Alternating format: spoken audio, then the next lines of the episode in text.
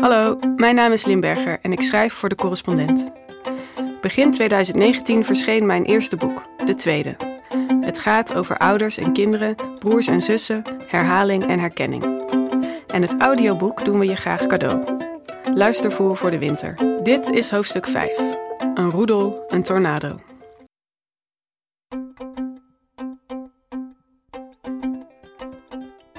Goed, we weten nu meer over de verhouding tussen broers en zussen. Dit hoofdstuk gaat over het hele gezin. En dan vooral over mijn gezin. Want dat is, zeker nu het uit vier leden bestaat, een heuse roedel geworden. Hoofdstuk 5. Een roedel, een tornado. Scènes uit een gezin van vier. De borstvoeding stopt wanneer mijn zoon negen maanden oud is. Ik heb het langer volgehouden dit keer, ter compensatie geloof ik voor het gemis aan onverdeelde aandacht en tijd. Kolfapparaat en toebehoren prop ik weg in een hoekje van de opbergkast. Mijn vriend stelt voor het weg te geven of te verkopen, maar voor zo'n resolute afsluiting van een tijdperk ben ik nog niet klaar. En ook niet voor het idee dat deze tweede keer ook meteen de laatste keer is. Een paar weken later vertrek ik naar New York. Mijn vriend, zoon en dochter blijven samen thuis, dus de reis is in meerdere opzichten een privilege. In het vliegtuig bestel ik een tomatensap en lees ik On Solitude van de Canadese auteur Michael Harris. Harris betoogt dat de moderne mens zich weer moet bekwamen in de kunst van het alleen zijn. Creatieve ideeën en existentiële inzichten, schrijft hij, dienen zich namelijk pas aan wanneer je geruime tijd zonder gezelschap doorbrengt. Ik vermoed dat deze Harris geen kinderen heeft, met zijn pleidooi voor urenlang doelloos rondslenteren op straat. Zijn advies om ochtends wanneer je wakker wordt eerst nog een half uur met gesloten ogen te blijven liggen in plaats van meteen in actie te komen. Maar ik kan het hebben, want de komende week is van mij alleen. Ik verblijf in een appartement in de buurt van mijn oude universiteit. De Hudson raast op de achtergrond en aan mijn voeten liggen straten en avenues waarover ik alle kanten op kan gaan. Het is juni, niet te warm en de vrienden van vroeger zijn nog niet met zomervakantie. Vederlicht beweeg ik door de stad, van noord naar zuid, de brug over en weer terug. Op straat ruikt het naar muffe metroventilatie en broeiend afval, een geur die ik ken uit de tijd dat alleen zijn geen luxe was, maar een dagelijkse realiteit. Een tijd waarin ik nog niet de verantwoordelijkheid droeg voor twee kleine mensen. Overdag hang ik in boekwinkels zonder iets te kopen. In het museum neem ik ruim de tijd. Tijdens etentjes en in kroeggesprekken ben ik gevatter dan ik in maanden ben geweest. Op één avond beland ik na afloop op een impromptu dansfeest aan de East River. Alles is mogelijk, want er wordt niet op mij gewacht. Mijn vriend stuurt me berichtjes van het thuisfront. Het gaat goed daar, beetje weinig slaap, maar dat is oké, de kindjes zijn gezellig, het is ook in Nederland lekker weer. Hij appt een foto vanuit de badkamer. Mijn zoon en dochter zitten samen in het babybadje dat we nog altijd niet hebben weggedaan. Ze passen net. Het badje staat op de tegelvloer. Mijn dochter zit recht overeind, mijn zoon onderuit gezakt. In elke hand heeft hij een badeentje geklemd. Of ik ze mis, vraagt de vriend aan wie ik de foto toon. Nee, zeg ik, zij vermaken zich prima. En trouwens, ik gebaar om me heen, dit heb ik gemist. Op de ene laatste dag slaat het weer om, van zonnig en veelbelovend naar druilerig en kil. Ik neem de metro naar het park waar een vriend van een vriend zijn verjaardag viert. Kleurige picknickkleden onder een boom, druiven en blokjes cheddar en zelfgebakken scones op een plank, vriendelijke mensen met interessante levens. De een werkt bij de Verenigde Naties, de ander is bijna klaar met haar proefschrift aan Harvard, de volgende vertelt over zijn promotietraject in de architectuurgeschiedenis. En weer een ander verhaalt over haar recente verhuizing terug naar New York voor haar nieuwe baan bij een galerie. De verantwoordelijkheden die ze dragen zijn groot genoeg. Voor hun bazen, voor de wetenschap, voor de kunst. Toch vind ik hen ongebonden, deze leeftijdsgenoten die binnen een jaar naar een andere stad kunnen verhuizen en weer terug. Die tot diep in de nacht kunnen werken of feesten, omdat de ochtend buigzaam is. Het begint te miseren. We kruipen dichter tegen elkaar aan om droog te blijven onder het bladerdek. Ik ben te dun gekleed met mijn sandalen en mijn korte katoenen zomerjurk. Kippenvel kruipt langs mijn benen omhoog. Ik begin te rillen en voel mijn schouders verkrampen. We praten over zomerplannen, over de nieuwe president, over fietspaden en brunchtentjes en prachtige tentoonstellingen, over vastgoed, gluten en ambities. Niemand praat over kinderen, omdat niemand hier ze heeft. En nu, denk ik, nu wil ik naar huis. Thuis, twee ochtenden later, tref ik een ontbijttafel met daaraan mijn zoon in zijn hoge stoel, mijn dochter boven een bakje gouden yoghurt, op smaak gebracht met honing, mijn vriend die tussen hun gekruimel en gekakel door de krant probeert te lezen. Het is de havermout in de groeven van het tafelblad, de slaapgeur in de kruin van mijn zoon, de gretigheid waarmee mijn dochter haar cadeautje uitpakt. Een pyjama met alle prinsessen van Disney erop, een schot in de roos. Het is de adem van mijn vriend tegen mijn oor, mijn hand door zijn haar.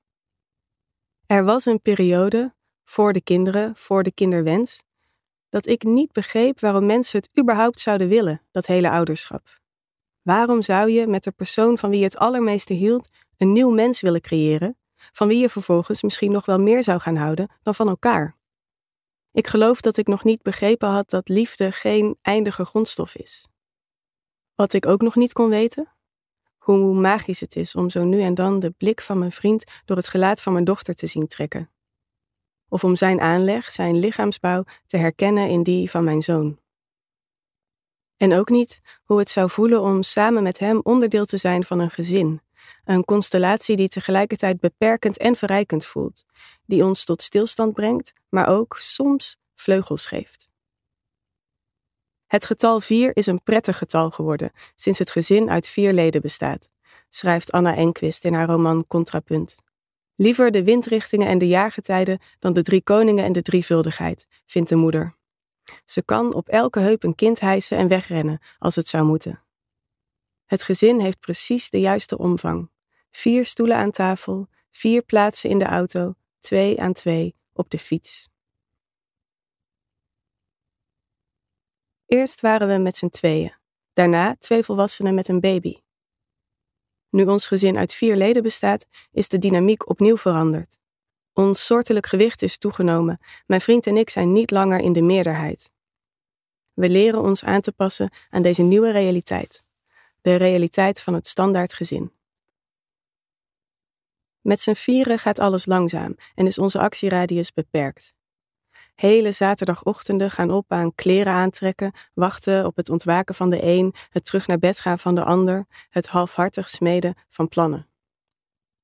Zo nu en dan zijn we doortastender. Op een dag gaan we naar de duinen.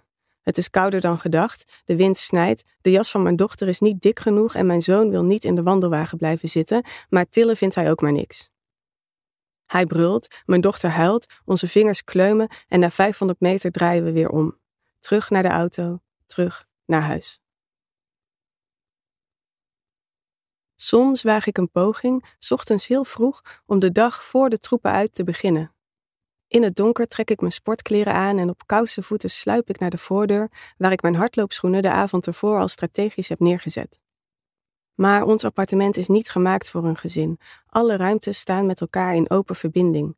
En negen van de tien keer geef ik mezelf weg met een krakende traptreden, het geluid van de sleutel in het slot.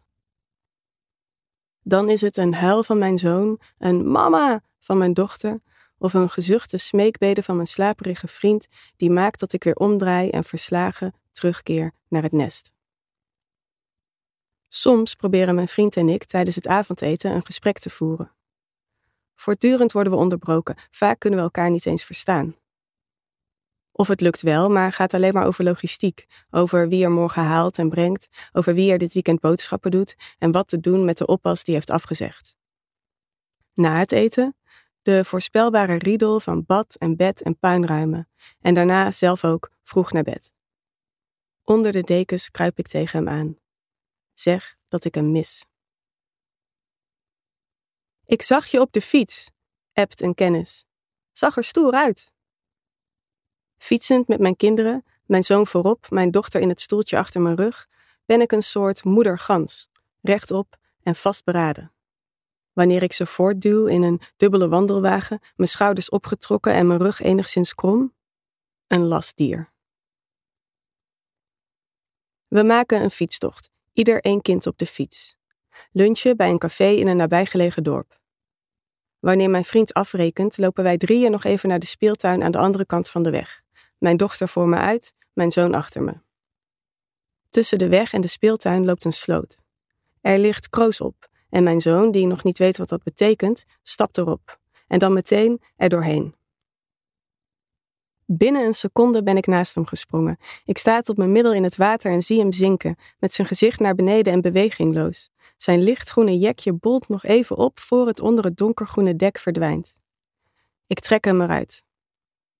Hij huilt, maar niet harder dan normaal. De warme douche even later bij kennissen die toevallig net naar dat dorp zijn verhuisd, vindt hij erger. Mijn dochter is heviger geschrokken. Ik wil niet dat mijn broertje verdrinkt, zegt ze wanneer we naar huis fietsen. Mijn zoon in het jurkje dat we van die kennissen mochten lenen, ik in een geleende joggingbroek. Die nacht slaap ik slecht, me plotseling bewust van de kwetsbaarheid van ons viertal, de broosheid, het verschil dat een paar seconden kunnen maken. Wat als, mompel ik tegen mijn vriend, wat als ik net op dat moment op mijn telefoon had gekeken? Wat als ik niet had gezien waar ik kopje onder was gegaan? Wat als? Maar je zag het wel, antwoordt hij. En het is goed gekomen. Op een zondagmiddag aan het einde van de herfst zijn we uitgenodigd voor een borrel bij een koppel dat we niet goed kennen. We komen binnen in hun verfijnde huis, vormen een ontspinnende bundel van winterjassen, laarzen, tassen, luiers.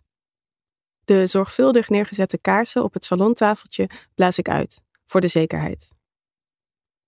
We drinken wijn, voeren een min of meer coherent gesprek over de veranderende buurt, veranderende carrièreplannen. De kaas die op tafel verschijnt wordt vrijwel onmiddellijk door onze kinderen verorberd. Een halfvol waterglas kiepert om, de inhoud loopt weg over de vloer.